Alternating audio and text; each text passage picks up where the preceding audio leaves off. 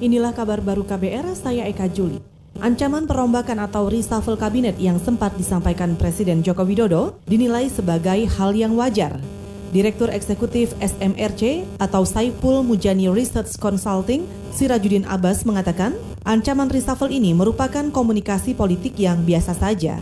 Alasannya, situasi pandemi COVID-19 memang menuntut pemerintah untuk memilih kebijakan, manajemen, dan eksekusi yang pendekatannya harus luar biasa. Saya tidak merasa, tidak melihat ada indikasi ada problem politik. Menyelamatkan rakyat 265 juta dan menyelamatkan kondisi negara yang sedang dalam tekanan uh, sedemikian besar harusnya menjadi prioritas paling utama di luar pertimbangan-pertimbangan politik. Oleh sebab itu, kalaupun Presiden mau melakukan reshuffle, tidak perlu Presiden menimbang apakah orang baru yang akan masuk kabinet, apakah dia berasal dari partai politik atau profesional. Direktur Eksekutif SMRC Sirajudin Abbas juga menambahkan, keputusan merombak kabinet atau tidak merupakan hak prerogatif Presiden.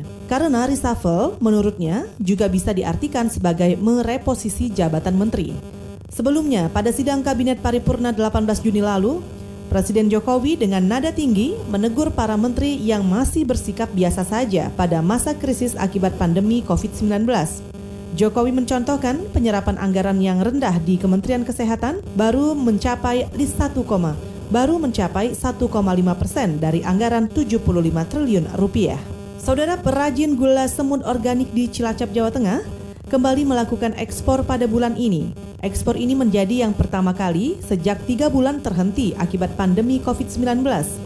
Kepala Bidang Promosi Dinas Penanaman Modal Cilacap, Agung Wibowo, mengatakan ekspor mulai bisa dilakukan pasca dibukanya transportasi dari dan ke negara-negara tujuan. Sekarang kan ngapa kemarin di Pol ada yang pengepulnya terus pengepulnya itu langsung ke Banyumas dulu baru ngapa?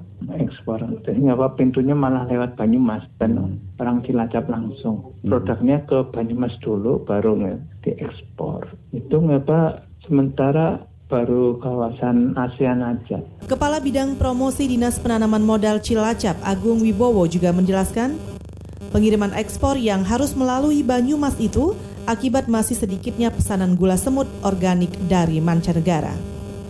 Saudara hasil produksi pabrik-pabrik di Jepang merosot karena ekonomi yang semakin mengalami resesi.